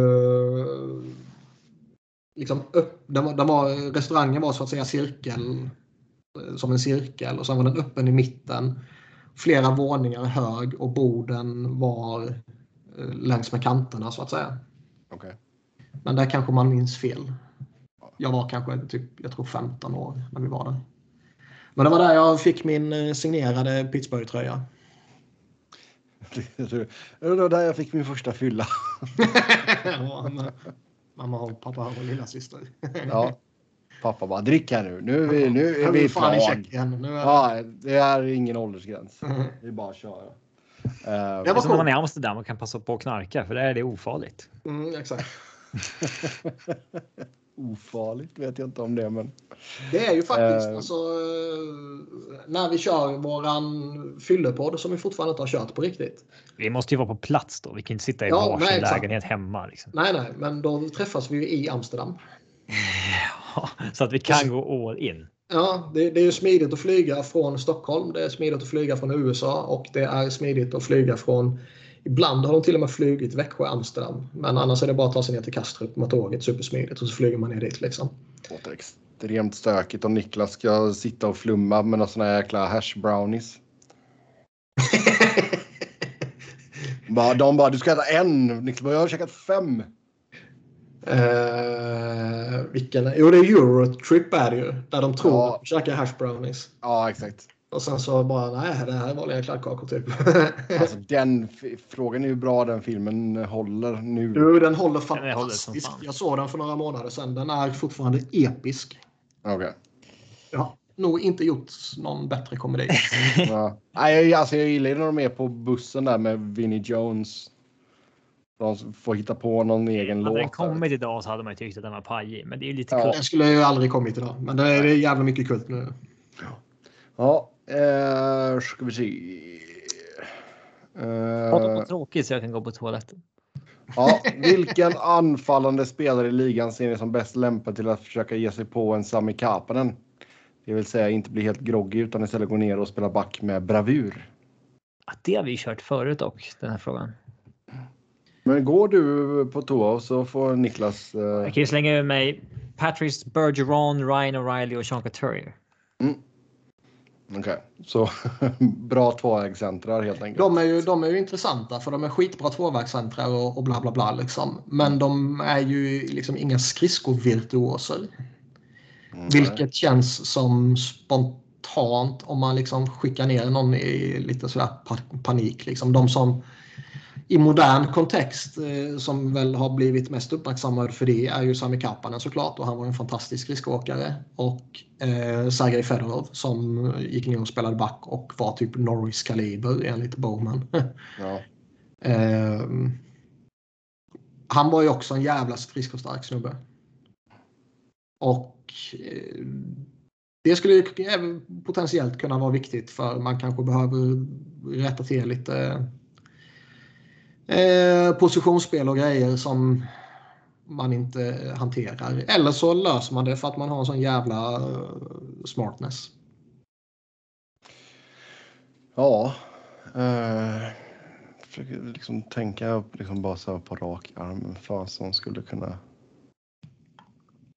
Ja, som, som jobb där. Robin sa har vi ju slängt upp det här tidigare, men nu var det väl några år sedan. Och, Mm. eh, jag tror inte vi kom fram till någonting då utöver liksom, liknande som vi slängde upp nu med Couturier och Bergeron och O'Reilly och typ liksom Crosby. Men det är lite för enkelt att säga så. Ja, det kanske det är på något sätt, men jag vet inte. Det är svårt. Oh, ja. Men ge mig McDavid och Dreisaitl i första backparet. Det är något. ja. Kör bara. Kör bara. Ja, eh, sen var det någon som frågade ifall jag fortfarande snittar lika mycket. Eh, och Snittar, jag, alltså går ut och knivar folk på stan. Nej, inte att jag snittar utan att jag snittar lika många matcher. Eh, ja, det blev ju inte jättemycket när jag var hemma i Sverige ska jag säga, men eh, det, är, det är väl runt två matcher. Eh, och sen vilka match, vilken kombo av matcher som varit bäst den här säsongen. Alltså det är ju svårt att bara komma ihåg så här på rak arm, men i, igår var det ju riktigt bra. Då var det ju först Florida mot Carolina och sen Avs mot eh, Golden Knights. Det var en bra kväll. Mm. Eh, så det, jag tycker fan, Florida är, de är riktigt roliga att kolla på. Och även Carolina. Mm. Ja, Panthers har ju vilket jävla utveckling de har fått här de senaste åren. Ja, ja visst. Jo, och sen alltså, speciellt när alltså, Bobrovski ser liksom. Han har den här varannan säsongen och nu är det en bra säsong. Liksom. Det, Mm. De kan gå riktigt långt. Ehm, så det, är- det är lite kul. Och Ca- Carolina har ju varit. Fan vad det är. Jag råkade spela upp en video på telefonen. Okej. Du berättar om ditt liv. Och eh, ja, Då zonar Robin ut. Lite. nej, jag menar vi har pratat om det tidigare, men jag, jag tycker liksom Carolina under Brenda Moore har ju tagit. De har ju bara gått från klarhet till klarhet liksom. Ehm, Ja. Så så är det med det. Ehm, sen Niklas. Varför en hatar... insider trading. Okej, då breaking news. Upp, upp, upp, Där... Eh, fick upp någon konstig jävla eh, kontrollerar Microsoft Outlook. Vad fan är det här? Justin Braun getting solid interest. Justin Braun getting solid interest. Ehm, Han får bra ränta på sitt eh, lån. Då. Exakt. Men han är ju en mitt tycke intressant spelare eh, inför trade deadline. Både på Jag skulle flank- addera en back också. Ja. Skulle man ta Giroud och Braun i samma eh, liksom, deal så är det perfekt. Mm. Ja, Men ja, det kan ju inte vara det största från insider trading. Eh, Ja, verkar- annars pratar de om datum kring JVM. Canucks pulling Miller back in och eh, leaves cap creativity before deadline. Sen lite snack om NHL. Coyotes. NHA discuss Yotes Arena. Mm. Alltså det, det är okej att man tar beslutet att spela där. Det, det, det är ju en sak. Men att sen skryta om det. Ja. Jag fick ju en på halsen när jag, en Coyotes-fan på halsen när jag quotade den här videon och la upp med typ så här, är de stolta över det här? Eller liksom? Ja. Eh, och det är så här, ja vi är det här faktiskt. Var någon som var så här. Eh, Alltså arenan kommer ju vara superfin förmodligen. Och, och det en kommer, fin arena men inte Ja. NHL-mässig. Nej. Och vad var det? det, det är ju inte San- deras. Nej, det också. Sen vad var det? San Jose Barracudas hade väl kommenterat typ att eh, alltså, jag tror våran arena kommer bli större. Mm. Vilket också är lite pinsamt. Att det är ju i och för sig, det har jag inte ens tänkt på, att de skulle flytta ifrån uh, SAP. SAP. Um, de har ju spelat samma arena som uh, San Jose. Det visste jag inte och jag kan inte påstå att uh, nej, det, det intresserar mig nej, nej, nej. jättemycket. Det, det förstår jag. Det kan jag förstå. Ja, det köper jag fullt ut. Att inte Barracudas uh, arenasituation är någonting du följer slaviskt. um, jo, varför hatar Niklas Öster så mycket? Uh, det är rätt och bra att han gör det, men varför gör han det? det är... Fotbollslaget i Växjö helt enkelt. ja.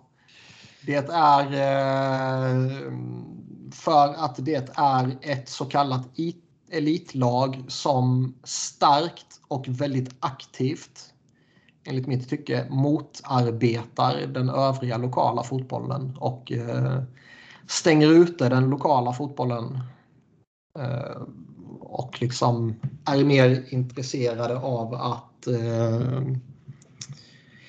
eh, liksom riva sönder klubbar och förutsättningar genom att locka över unga spelare i lite för tidig ålder och så vidare som de ändå inte utvecklar. De, liksom, alla lämnar ju och kommer tillbaka så småningom. Då kan man lika gärna vänta lite och låta dem etablera sig och sen ta steget.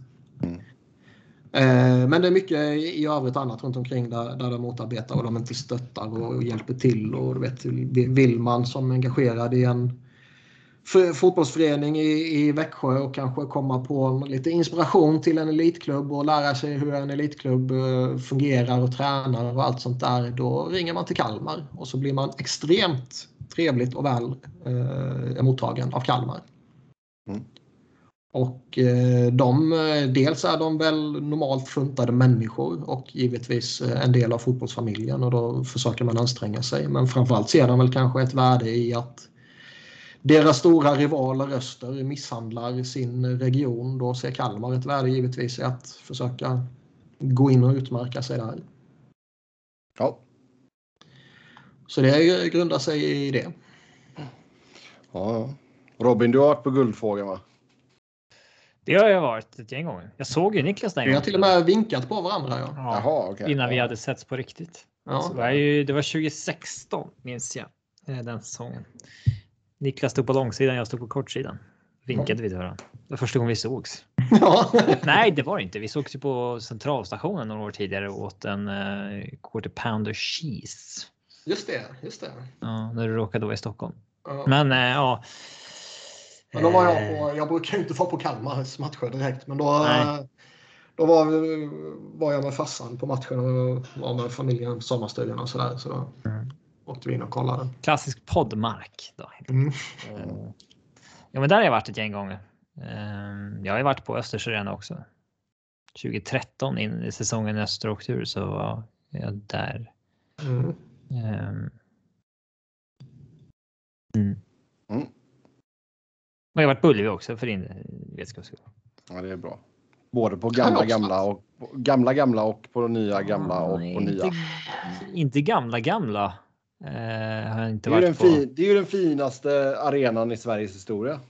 Ja, det tycker man om man kommer därifrån. Kan ja. jag tänka mig. Eh, men, men ingen annan. Det, ja. det är så eh, idioterna som har namngett de där är ju liksom, de borde ju avsättas. Jag vet inte om jag har varit på Stora Ullevi. Jo, någon gång måste du väl ha varit på Stora? Eller? Jag har varit på båda faktiskt.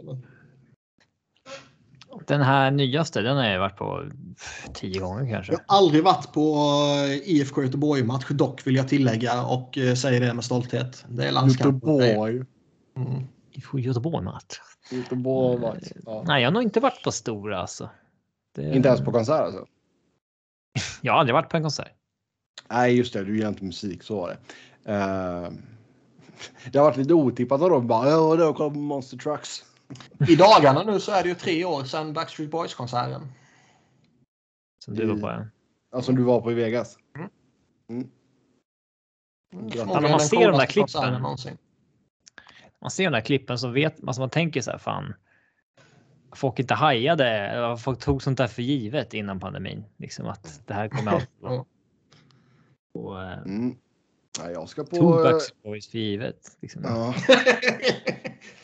Ja, jag ska faktiskt på konsert på lördag. Det blir första på VSB? eh, extremt lång tid. Nej, Ghost.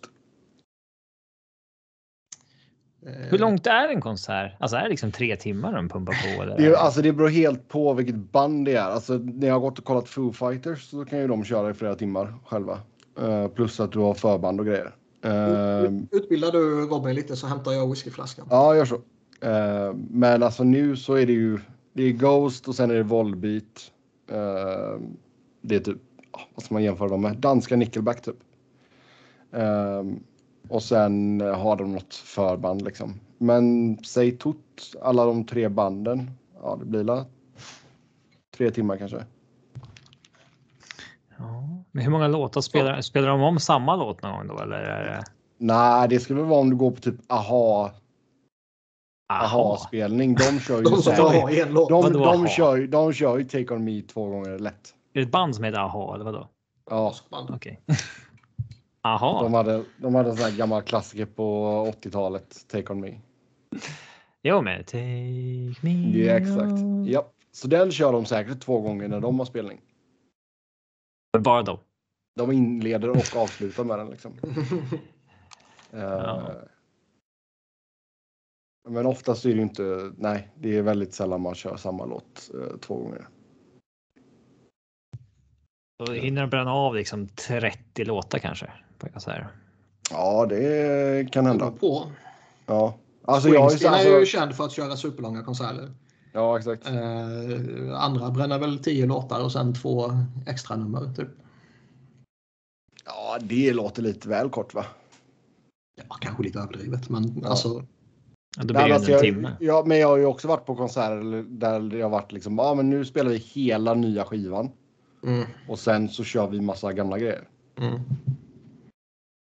Eh, och det kan vara ganska kul. Fan vad länge Faktiskt. jag lyssnar på musik. som ska... Alltså det, det är en lång upplevelse. Det var alltså. Ja, det, men det är helt underbart. Alltså speciellt typ, alltså jag tycker Foo, Fighters är sjukt bra live. Eh, och där kan du lätt hålla på i. Men man vill väl ändå så här, man vill väl kunna låtarna när de spelar upp så att man kan liksom hänga med och sjunga med. Det måste vara värdelöst om de spelar nya grejer på konsert. Alltså oftast har du ju lyssnat in dig. Alltså det är väldigt sällan att de liksom släpper en skiva och sen två dagar senare så är de i din stad och, och giggar liksom. Man Eh, går väl sällan på en konsert med folk man eh, inte känner till. Inte jag i alla fall. Alltså ibland har det blivit att man sett, alltså det, då, Och då räknar jag inte liksom med ett liveband på en pub eller något sånt där. Som Nej. kan vara jättebra. Utan, Alltså det får ju vara festival i så fall. ja, jo, det är väl en annan grej. Men, Då men är det ju en helt annan grej. Det är ju ett helt paket liksom. För då- men, eh, I då en enda konsert går man väl eh, väldigt sällan. I alla fall skulle inte jag göra det. På några som man inte genuint tycker jättemycket om redan och eh, Nej, kan mycket av. Liksom. Nej, det är om du skulle behöva ställa upp och typ gå med någon. Ja. Eh, Men även då skulle man ju liksom, vad är det här för några? ah, det beror på. Alltså, säg att din eh, syster, eh, du har en av varje va? Jag? Ja. Har du en Ja. systerdotter och en systerson eller bara en Ja, ja, systerson? ja, ja. Jag tror du menar systern bara. Men nej, Ja, jag har... Ja, men säg att liksom systersonen vill gå och se typ. Fan ska man dra till med? Jag vet inte vad som är Jag inte, han hade barnmusik tre år. Vad har jag stått där då? Ja okej, ja den är lite jobbig kanske.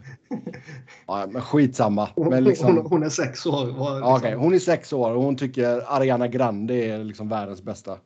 Hade du, lyssnat in, hade du lyssnat in dig på Ariana Grande då?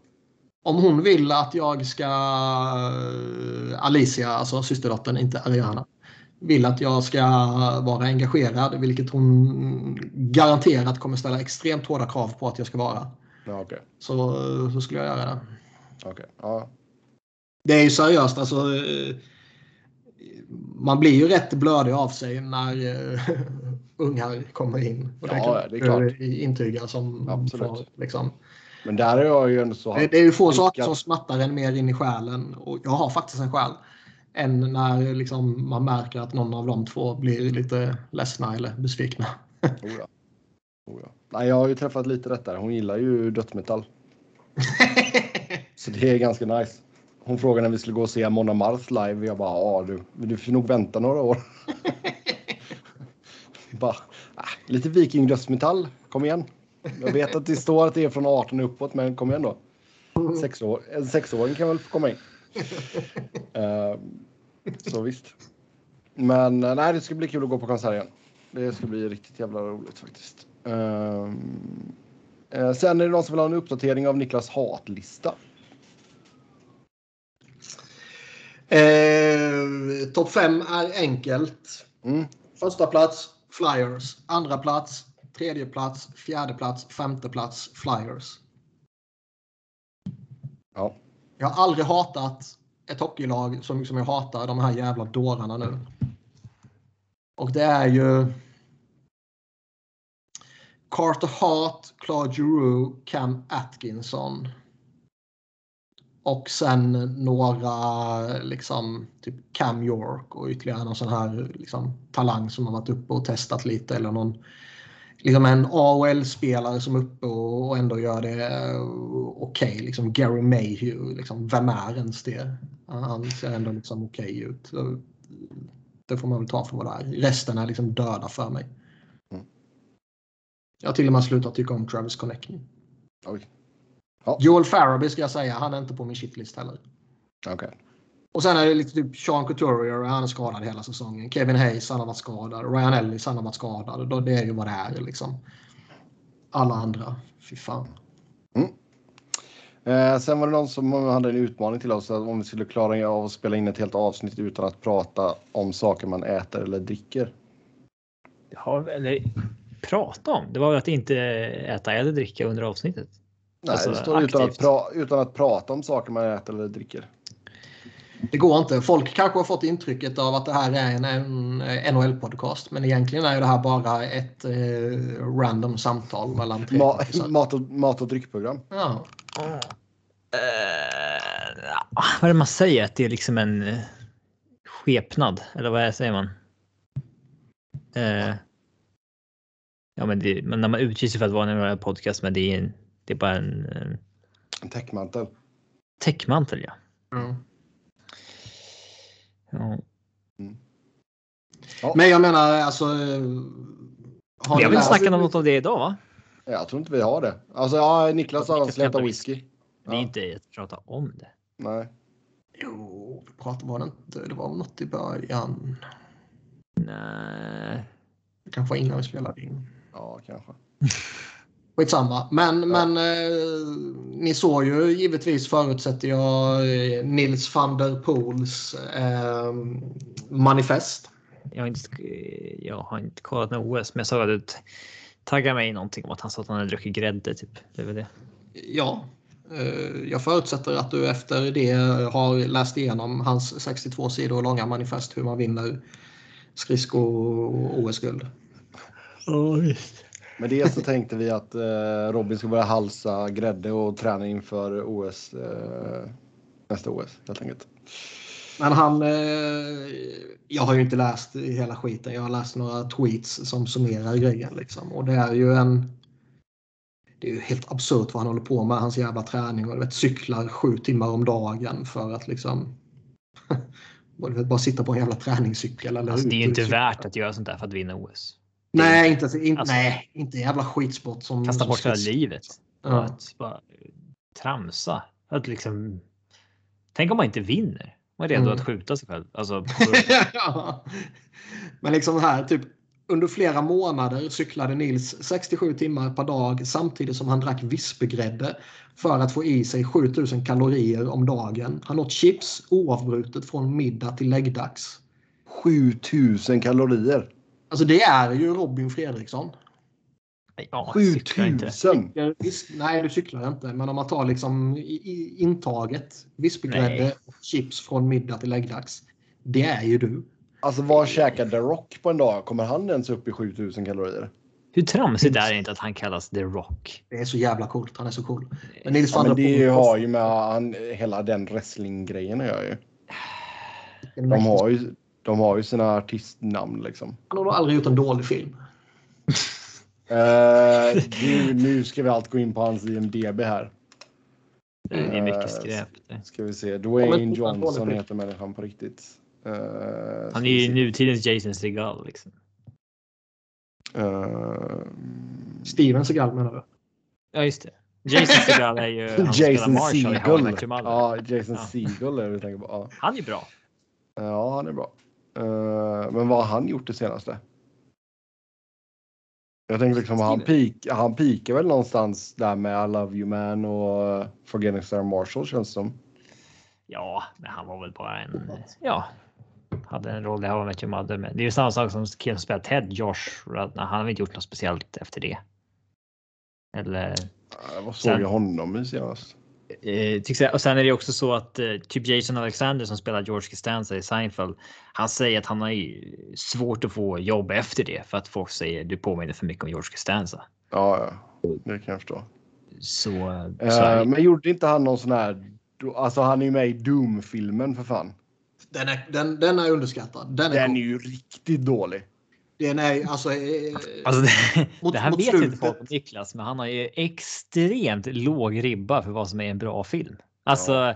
man tänker att han ska vara lika kritisk och hatisk som annars, men han har en jättelåg ribba för vad som är en bra film. Eller så honom. är det bara att han älskar B-filmer helt enkelt. Men alla alltså- som är så här, ah, men den där är lite cool. Liksom här, men Ja. den, alla säger att den sög. Ja, men den... Vad har folk för förväntningar? Typ. Ja, Och så, Mm. Tooth Fairy är ju inte bra. Ja, den ska jag erkänna att den har jag inte sett. Men av Den alla jag har sett med honom, vilket är otroligt många, så har jag aldrig varit besviken på någon film med The Rock. Alltså jag kan ju inte säga att jag... Och det är ju för att man, man måste ju ta in de filmerna liksom med rätt eh, förväntningar och rätt attityd och rätt liksom eh, aura. Jag såg någon av Jumanji-filmerna. Det var inte mycket att hänga Otroligt coola. Nej. Vad fan har jag mer? de är väl en okej söndagsfilm liksom. Sådär. Eh, Inte- Men, men, men eh, Doom-filmen där mot slutet när, när de filmar från eh, karaktärens point of view liksom. När det ser ut som spelet. Ja. Är, bara den, eh, de fyra minuterna var där gör ju hela filmen. Faller i en tår. Liksom. Hel, Har ni inte hela, sett det så måste ni gå in och bara youtuba den scenen. Bara liksom Doom movie eh, och så Ja. kommer den ju komma upp. den ju, ja, fram tills dess så är den ju kalasdålig. Den är cool. Uh, Den sen är scenen han, ju, han är ju inte... Movie. alltså det är sak i början där liksom Mummy Returns. Där, han är ju inte jättebra där liksom. Och i eh, Scorpion King-filmen. Uh, Scorpion det- King kommer jag ihåg att man kollade på när man var liten. Då var jag typ 12 eller Ja. någonting när den kom. Det är den Scorpion King, det är den som har så riktigt pissiga specialeffekter va? Ja, Kanske de hade, tänkte inte man på då. riktigt Jo, dåliga. re- redan där och då var det liksom riktigt jävla sunkig. Ja. När, när, han är någon jävla eh, skorpion typ.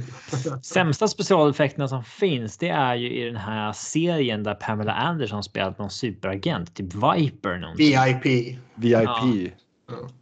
Exakt. De explosionerna där. Åh herregud.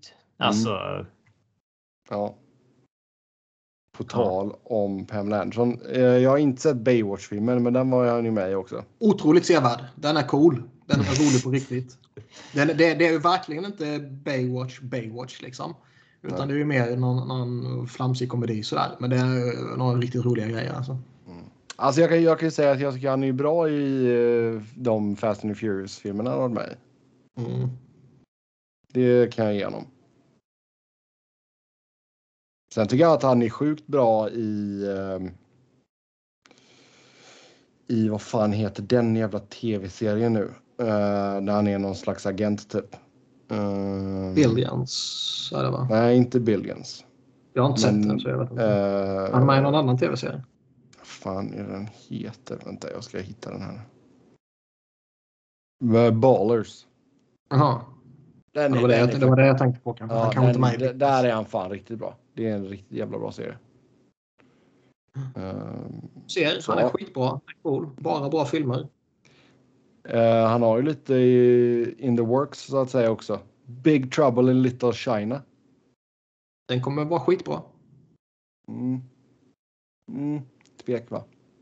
Black Adam eh, kommer vara cool. Vi får se. Vi får se.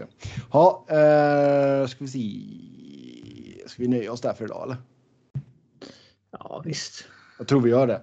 Med det så tar vi och säger tack och adjö för den här gången. Som vanligt kan du köta ju med oss via Twitter. Mig hittar ni på ett Norden. Niklas på ett Niklas Wiberg. Niklas med C. Wiberg med enkel V. Robin på R underscore Fredriksson. Podden på SV Fans NHL-podd, podd med ett D. Tills nästa gång, ha det gött. Hej!